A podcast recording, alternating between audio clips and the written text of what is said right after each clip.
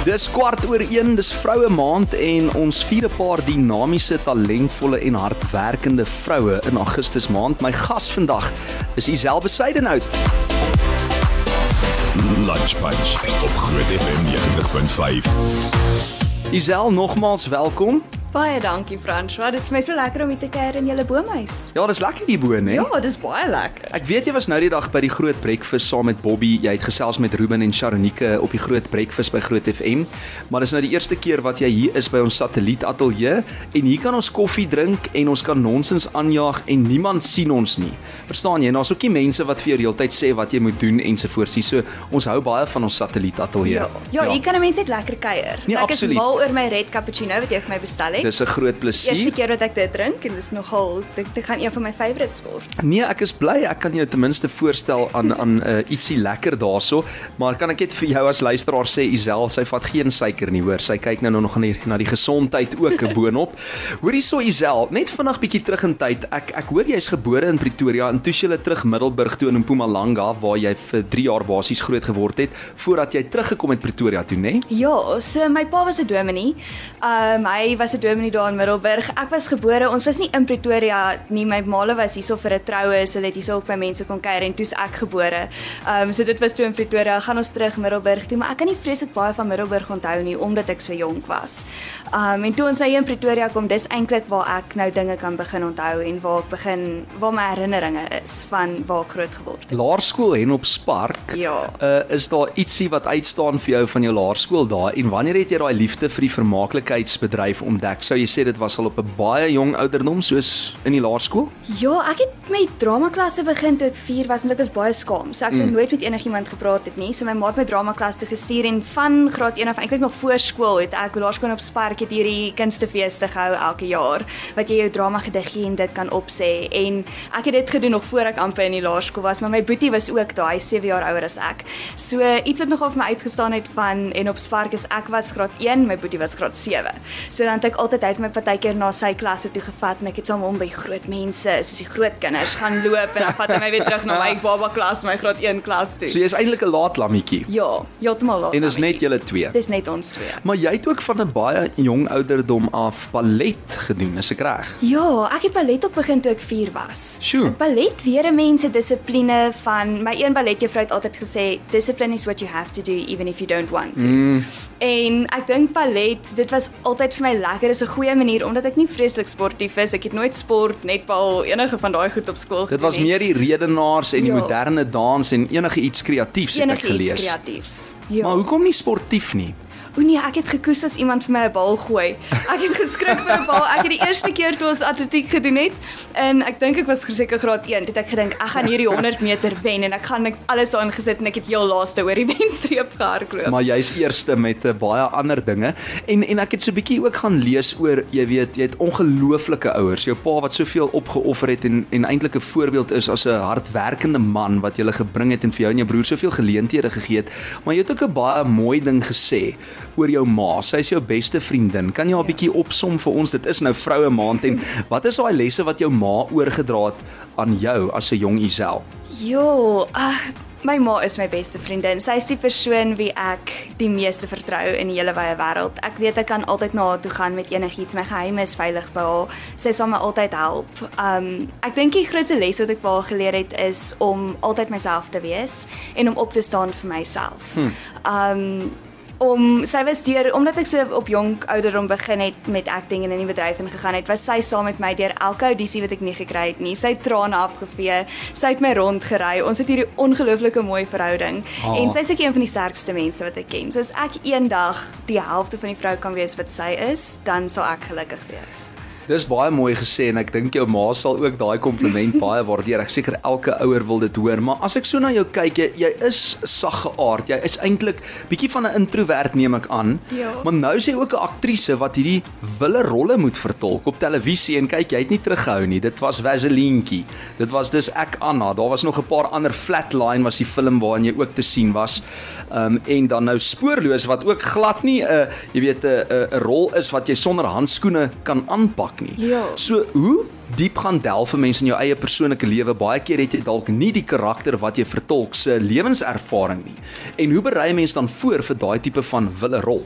Um ek dink een van die grootste goed vir my was ek het ek het baie empatie. So ek het elke liewe karakter wat ek moes speel, ek kon empatie hê met waartoe hulle gaan en wat hulle situasie is en om partykeer dieper te kyk, nie net hulle te oordeel vir watse besluite hulle maak nie. Veral my karakter wat ek gespeel het in Flatland mm. was presies die teenoorgestelde van wie ek is en ek moet eerlik wees ek het so 'n bietjie al geoordeel in die begin. Was dit Poppy? Dit was Poppy. Mm. Ja, en ek het al so 'n bietjie geoordeel in die begin en toe leer ek maar jy moet dieper gaan kyk. Jy moenie net vaskyk op die besluite wat sy neem nie. Jy moet gaan hoekom neem sy daai besluite. Hmm. So ek dink baie navorsing gedoen. Van jongs af het ek um, veral met Disak Anna ook om so karakter te vertolk, om Anna te vertolk, omdat dit 'n ware verhaal is van Anshin Trotsky. Hmm. En daai so boek baie... natuurlik so top seller was. Ja, ek het die boek gelees, um twee keer gelees voor ons begin het met die skiet en ongelooflik baie navorsing gaan doen. Ek was konstant op YouTube, konstant op Google wat 'n mens net jy jy moet jouself in daai posisie probeer sit al is dit nie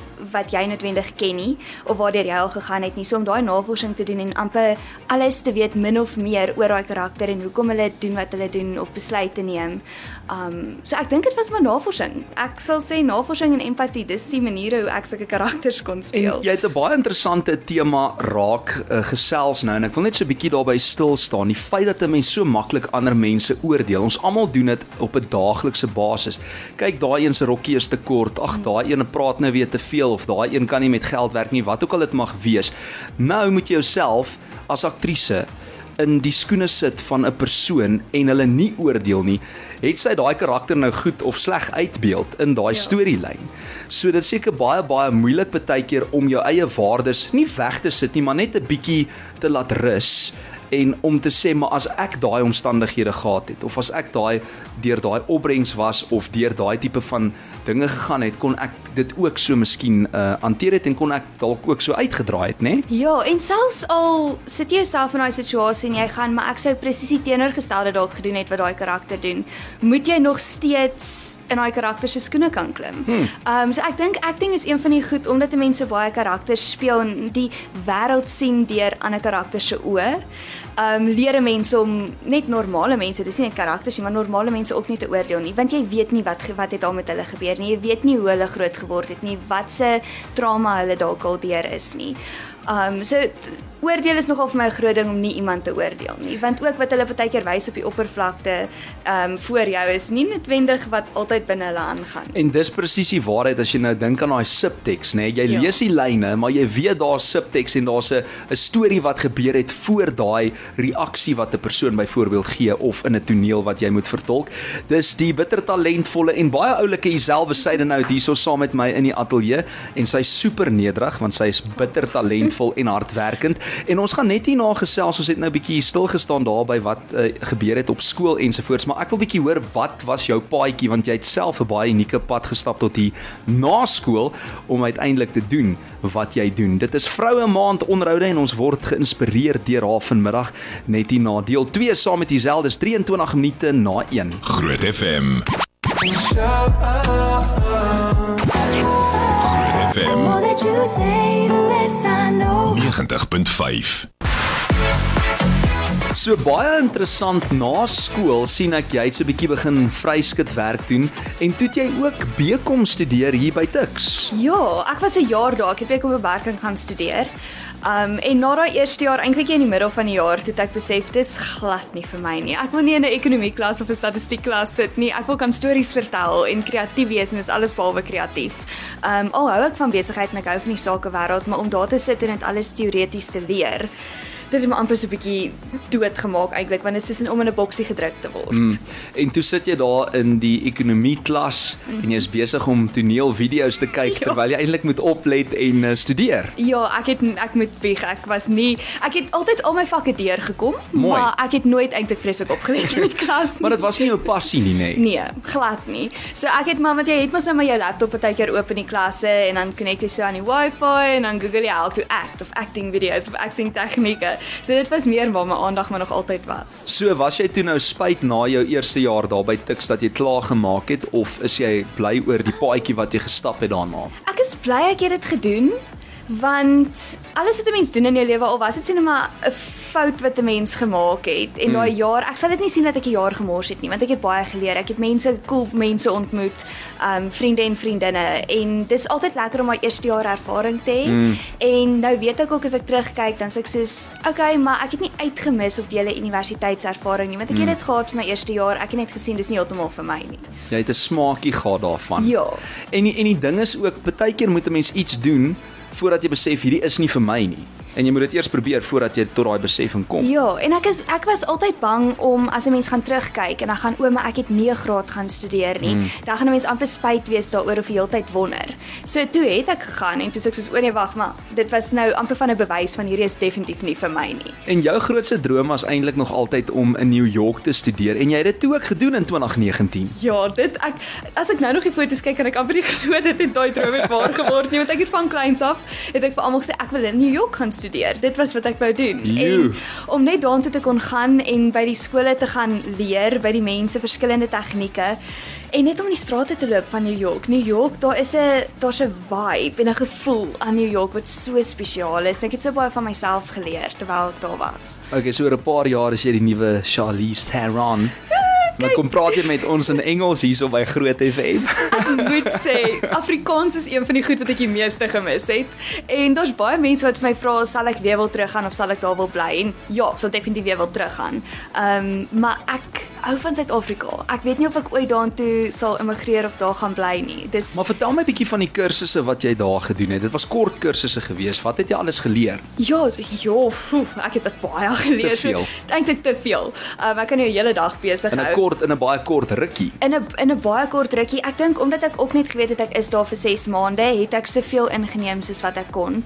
En voordat ek New York toe gegaan het, het ek altyd op instinct geact. Mm. Um waar nou weet ek as ek 'n teks kry, ek weet waar om te begin. Ek weet hoe om um karakterstudie te doen mm. en deur jou teks te gaan en die teks te ontleed. So ek weet ek het baie meer tegnieke daar geleer. Hulle sê mos altyd jy moet half teruggaan na 'n blank canvas. So jy moet jy moet amper soos 'n 'n tipe van 'n skoon bladsy wees en dan begin jy van voor af met daai karakterontleding en die prentjie wat jy skep en hoe kom daai karakter reageer op 'n sekere manier ensovoorts. Ja, en elke karakter is anders. So daar's ook nie elke liewe karakter wat jy kry en elke teks wat jy kry, begin jy partykeer op 'n ander plek. Mm. So daar is boksies wat 'n mens moet tik in jou voorbereiding, maar dis nie noodwendig ABC wat jy van bo af gaan elke keer nie, want jy begin altyd op 'n ander plek, wat ook al die karakter van jou vereis. Jy gee nog nie um toneel uh lesse nie, nê. Nee. Nee, maar dit sal nogal eendag vir my baie lekker Maar ek wees sal om te ja, doen. ek dink jy moet dit doen en ek kan ek kan jou eerste proefkonyn wees as jy sou wou hoor want ek ek hoor daar's nog baie wat ek kan leer. Maar nogal interessant vir my om te sien jou heel eerste professionele vertoning was 'n kinderteaterstuk uh, Isel Balkie Ja. wat toe nou by al die kunstefeeste opgevoer is. Vertel my 'n bietjie daarvan. Jy was 11 jaar oud. Ja, so my drama juffrou by dit was die drama juffrou waar ek begin het. Sy het letterlik uit die lood. Sy het my passie vir drama gekweek en die saadjie binne my geplant. Ehm um, sy Balkie, dit was mos ek dis 'n boek. Sy het dit verwerk na 'n teaterstuk toe en ons het na al die kunstefeeste toe gegaan en dit was ongelooflik lekker. Om op so 'n jong ouderdom by kunstefeeste te wees. Ons het voor kinders en nou groot mense hulle maas opgetree, maar om met die kinders te kon werk, ehm um, en die reaksie te sien en omdat dit ook verhoog is, as ietsie verkeerd gegaan het, moet jy op jou voete dink. Mm. Daar's nie net 'n take 2 wat jy kan doen nie. Jy moet baie vinnig op jou voete dink om dit te fix as iemand hulle woorde dalk vergeet. Sjoe. Genade, nee, jy, jy laat my stres hier soos ek net daaraan dink. Maar ek meen so van van die verhoog en voor 'n lewendige gehoor optree na jou heel eerste filmrol as 'n vroulike hoofrol ook in die film Agent 2000. Jy was toe net 14 jaar oud. Was dit 'n Ja. heeltemal 'n ander ervaring vir jou gewees om ewe skielik voor die kameras te te moet toneel speel? Dit was heeltemal anders. Want 'n mens weet ook ek onthou nog daai eerste dag hoe op my senuwees was ek. Daar was so baie vlinders wat in my maag rondgevlieg het. Ek het nie geweet eintlik wat se kant toe nie. Maar dit was so lekker want die akteurs en die crew was ongelooflik. Die mense het so baie by hulle geleer en mense het net gespeel. Mm. Um maar dit was dit is anders want ek was gewoond aan verhoog. Ek was nie gewoond aan enigsins film nie. En daar's 'n groot verskil tussen die twee. Film is baie kleiner. Jy kan nie jy kan amper nie voorberei presies hoe jy iets wil speel nie want jy weet nie wat die ander akteur vir jou gaan gee nie. Mm. Daar's nie rehearsals wat in dit ingaan nie. Mm. So in daai oomblik moet jy net eintlik oop wees vir wat ook al waantoe En jy het eintlik baie minder tyd dan uh, met die persoon teenoor wie jy moet speel want op verhoog soos jy sê jy rehearse nou heeltyd ensovoorts Ja. maar opstel en ek seker is dieselfde met CP en film ook jy moet baie vinnig opkom jou woorde leer want die crew is nou gereed en dan skree hulle aksie en jy het nog nie regtig baie kans gehad om te oefen teenoor jou mede-akteur nie Ja, dit kyk dit hang af. Ek is baie bevoorreg soos met dis ek of Flatland het ons um, rehearsal tye gehad. Hmm. So ons al die akteurs of meeste van die akteurs het mekaar voor die tyd ontmoet. Ons het bietjie deur al die tonele gegaan.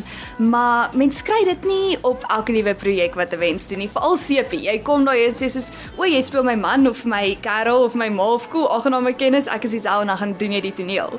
So daar's nie eintlik tyd om dan vreeslik met mekaar te werk. Is daar 'n vroulike spesifiek vroulike aktrise na wie jy opkyk, wie se loopbaan en werk jy nog altyd volg en soos jy eh, soos wie jy miskien eendag wil wees? Ek meen jy is nou jou eie persoon, maar 'n mens kort maar daai rolmodelle. Wie sou dit vir jou wees? Um, ek sal sê Jodie Comer wat in Killing Eve speel. Sy is 'n ongelooflike aktrise en die manier hoe sy haar karakter in Killing Eve en die manier hoe sy ek sukkel nogal met aksente, maar sy gooi aksente uit dat dit pas. Soos elke liewe soos toneel wat sy aan bespeel, maak haar karakter asof sy 'n ander karakter is en dan gooi sy hierdie verskillende aksente uit. So ek sal nogal sê ek kyk vreeslik op na haar. En Isel sê gou vir my nê, ek weet jy Ja. het nou al saam met baie bekende en talentvolle mense gewerk, maar is daar iemand met wie jy nou al in die bedryf gewerk het? Het sy film of op CP of uh, vir die verhoog of radiodramas want dit doen jy ook.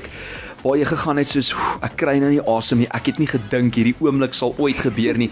En dan stap daai persoon uh, uh jy weet in die vertrek in en jy moet ewe skielik teenoor hulle act.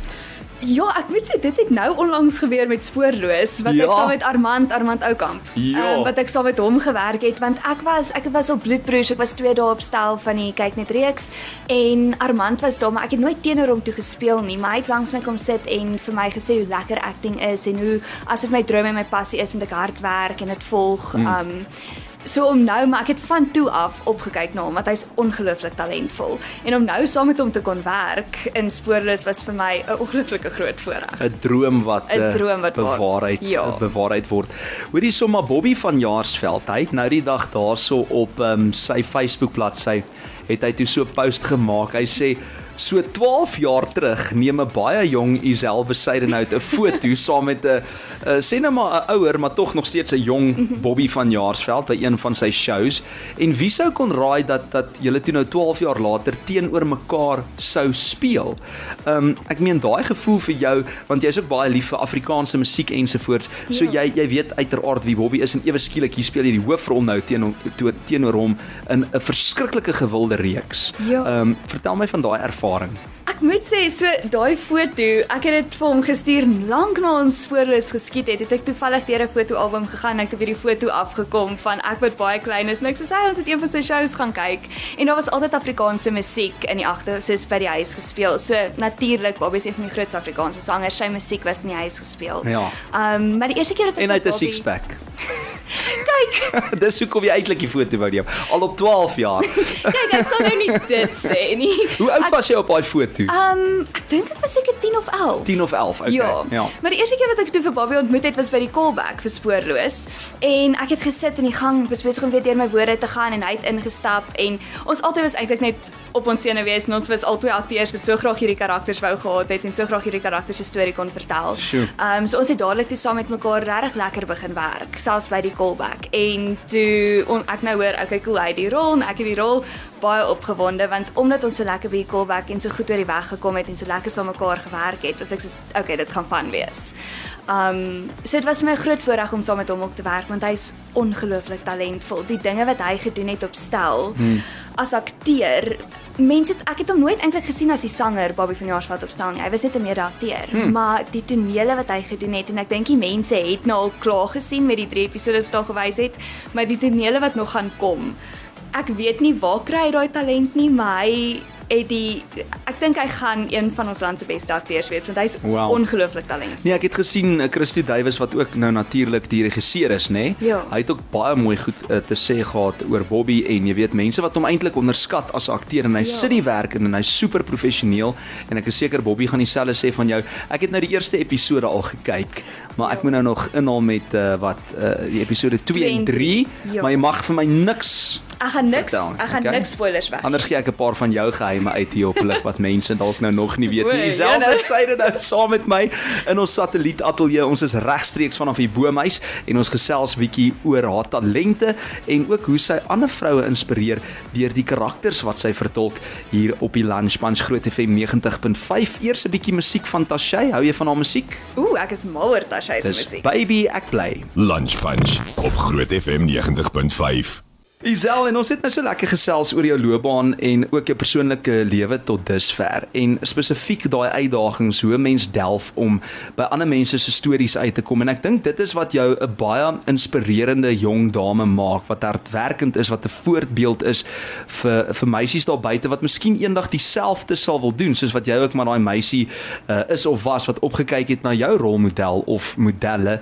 Maar ons moet 'n bietjie praat oor daai verwerping want ek dink vir akteurs en aktrises is dit dikwels 'n uh, verwerping uh, waardeur hulle moet gaan. En ek ek meen met enige ander uh, werk daar buite jy gaan vir 'n werksonderhoud jy kan die uh, die werk hou vir 3 jaar of 6 jaar of 10 jaar partykeer 'n jaar maak nou nie saak nie maar met akteurs en aktrises is dit bietjie anders want jy moet in 'n jaar seker maklik 10 of 20 keer deur verwerping gaan en jy kry baie meer rolle nie as die werk wat jy wel kry nê nee, hoe hanteer Ja. jy dit Ja, so elke audisie wat 'n mens maar doen is amper soos 'n onderhoud, 'n werksonderhoud. Um en 'n mens hoor baie meer nee voor jy die woord ja hoor en ek het dit op 'n baie jong ouderdom geleer. Um ek dink dis dis moeilik. Mense moet 'n baie dik vel hê en jy moet ook besef dat as 'n mens daai nee hoor, dis nie dat jy nie goed genoeg is nie. Mm. Daai karakter en daai rol is dalk net vir iemand anders bedoel. Mm. Die hele klise sê ding van alles gebeur met 'n doel en alles werk uit soos wat dit moet. Ek het baie vasgeskop. Ek wou dit nooit glo nie. Um maar mens moet want dit is so. Dit is die waarheid. En die verwerping is moeilik. Ek gaan nie jok nie. Veral as 'n mens jou hart baie keer op 'n karakter sit wat jy so graag wil hê of as jy vir 'n lang tyd nie gewerk het nie en daar kom hierdie spesiale lekker karakter op.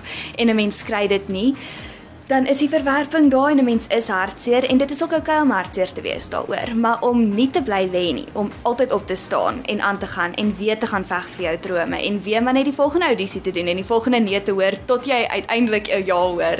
Um ek dink is net daai aanhou, uithou en aanhou. Hoorie so so ons gesels met jou hier in Vroue Maand en ons moet bietjie praat oor daai vroue dinge want ek sien jy weet jy spesifiek mal daaroor om nuwe resepte in die kombuis uit te toets. Nie dat mans nie kan kook of koek bak nie, maar ek meen in hierdie geval dit is maar nogal jy weet 'n natuurlike ding seker vir jou om te kyk wat jou ma doen in die kombuis. So jy het ook al unieke verjaarsdagkoeke gebak. Waar kom die liefde of talent daarvoor uh, vandaan?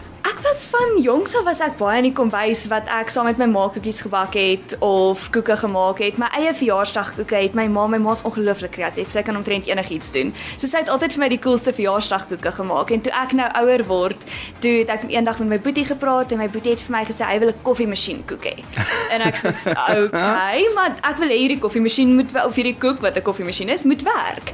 En ek het die koek gaan bak en 'n pypie deurgesit en toe ek dit nou vir my boetie gee op sy verjaarsdag, dan daar was 'n hele pypie wat so deur die koek gegaan het, ehm um, wat jy 'n beker kon insit waar daar actual koffie uitloop. En my pa het ek 'n kamera koek gemaak. Dis vir my dis vir my 'n lekker uitdaging om te doen in die kombuis want dis iets waar waar waar ek nie heeltemal gewoond is nie en goed wat ek nie heeltemal van af weet nie, so dan kan ek myself bietjie uitdaag. Okay, as ek nou klaar geld gespaar het om by jou uh, acting lesse te kry, nê, dan die volgende is die uh, die koekbaklesse. Okay, Okay, 100%. dan begin ons dalk uh, ons eie besigheid saam vir ingeval daar nou nie rolle is ensovoorts in die toekoms nie, dan kan dan jy ten minste ietsie om op terug te val daarso.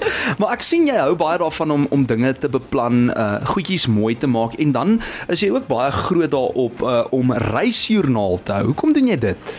Ja, so reisjoernaal, ek dink ek is nou ek elke elke keer as ek nou al gereis het, ek's baie bevoorreg dat ek die geleentheid gekry het om Waar al was jy al oral? Jy moet nou 'n bietjie name drop. Oef, ja. New York? Um, New York, dan Los Angeles, Las Ag. Vegas. Ehm um, dan was ek in Europa. Ek was so gelukkig Flatland het 'n premier daar gehad. Ons hmm. wêreldpremier vir Flatland by die Berlin International Film Festival. So You. toe kon ek Berlyn toe gaan en ons was bietjie in Oostenryk so vinnig en ehm um, vinnig in Praag. So al daai plekke, dis is dis sulke spesiale herinneringe. En watter een van daai plekke staan vir jou uit? Watter een was jou gunsteling en sal jy definitief na toe moet terugkeer?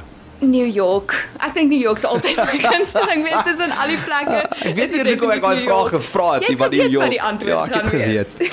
Hoorie en ek weet ehm um, Ilse Roggeband, sy het ook met jou gesels vir Rooi Rose, né? Ja. En sy het 'n baie interessante vraagie jou kant toe gegooi. Waar sien jy jouself oor 10 jaar? En ek dink in vroue maand is dit uh, ook belangrik seker vir vroue daar buite om hulle self te sien waar hulle vandaan kom, waar hulle nou is in hulle lewe, maar mens moet altyd 'n toekomsvisie hê. Wat is dit vir Isel? Jo, ehm um, ek dink nogal gereeld oor hierdie vraag en ek dink waar ek myself oor 10 jaar wil sien is ek wil hopelik die beste aktrise wees wat ek kan wees, maar ek wil altyd met myself kompeteer. So mm. om nie jouself met ander mense te vergelyk nie om jou eie paadjie te loop is vir my nogal 'n groot ding. Vind jy dit moeilik baie keer om jouself nie te vergelyk nie? Ek meen vandag met sosiale media en alles, mense kyk altyd na daai foto's en die video's en dan vergelyk jy jou lewe met ander mense se lewe. Ek dink mense doen dit. Dit is definitief normaal om dit te doen. Maar ek het ook op 'n jong ouderdom toe het ek vir myself gesê, ook met die teleurstelling en alles wat saam met dit dan gaan. Um as jy in jouself gaan glo en jy gaan weet wie jy is en graag wat jy wil doen en as jy die heeltyd net van kleins af het ek met myself kompeteer. Vandat ek drama, dans kompetisies alles gedoen het, ek wou nooit beter wees as iemand anders nie. Ek wou beter wees as wat ek die vorige keer dalk die dansroetine gedoen het of hmm. die gediggie gedoen het. Um so ek moet sê so nou en dan val mens maar in daai in daai gat wat 'n mens jouself begin um vergelyk Vergelyk. met iemand anders, maar ek probeer om dit nie te doen nie. Sjoe, Isel, jy's inspirerend en ek het jou nou lank genoeg tyd gegee om te dink aan daai antwoord. Wat is jou superpower as 'n vrou? Voel jy in 2022 Augustus maand ons trek al by die 4de 2000 en uh, wel 2022. Ja. Wat is Isel Besuidenhout se een groot superpower? Ek sal sê um confidence.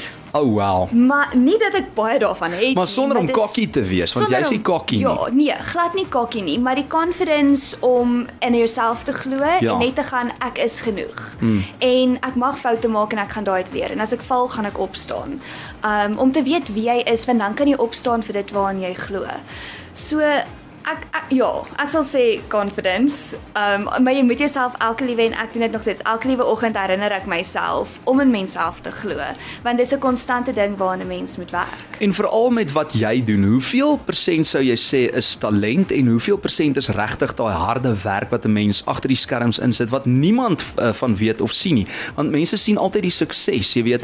O, daar's diesel op 'n poster hier sy in die huisgenoot of op, op die rooi rose, daar's haar promo of haar haar um, jy weet, sien nou op televisie. Ja. Maar daar gaan seker verskriklik baie werk ook in en 'n mens moet bereid wees om daai werk te doen. Ja, ek dink daar gaan baie meer werk in as wat mense partykeer besef. Ek dink talent het definitief dit het 'n groot deel daarvan. Ehm um, maar talent vat jou ook net so ver. Dan moet jy hard werk om verder te gaan en altyd beter te probeer wees as wat jy was. En wat sou jou een boodskap wees vir die vroue spesifiek wat luister vandag in vroue maat? Vrou, vroue wat dalk nie altyd die geleenthede het wat jy as 'n jong meisie gehad het. Het ouers wat vir hulle sorg of vir die vir hulle die beste wil hê nie. Wat sou jou boodskap wees vir daai meisie of miskien ouer vrou vandag wat luister en opkyk na jou of net 'n bietjie inspirasie nodig het vir vroue maand? Jo, ehm um, ek sal sê glo in die mooi van jou drome en moet nooit in iemand anders se skadu leef nie. Moet nooit terugstaan vir iemand anders nie. Glo Hmm. in jouself, glo dat jy sterk genoeg is om jou eie drome te volg en as jy iets wil doen, gaan daarvoor. Moenie wag vir iemand anders nie. Ehm um, want jy en glo in jouself want jy's uniek. En die oomblik as 'n vrou in haarself gaan begin glo, is sy unstoppable. Unstoppable. Nes Isel Besuidenhout wat my baie spesiale gas is vandag in die Lunch Punch. Isel, bitter baie dankie dat jy tyd gemaak het vir my in jou besige skedule en dat jy my eerste vroue maand onderhoud was vir Augustus 2022 en ek hoop ons gesels gou weer met jou en ons hou vir jou dop op die kassie veral op hierdie stadium spoorloos 4 wat te sien is op kyk net op Dinsdaande nê. Dinsdae aande, ja. En uh, jy maak so mooi en baie dankie dat jy nederig is en dat jy 'n groot voorbeeld is vir almal om jou en dat jy hardwerkend is en uh, dat jy tyd gemaak het om hier te wees vandag. Waardeer dit. Dankie François. Eksklusief op Groot FM 90.5.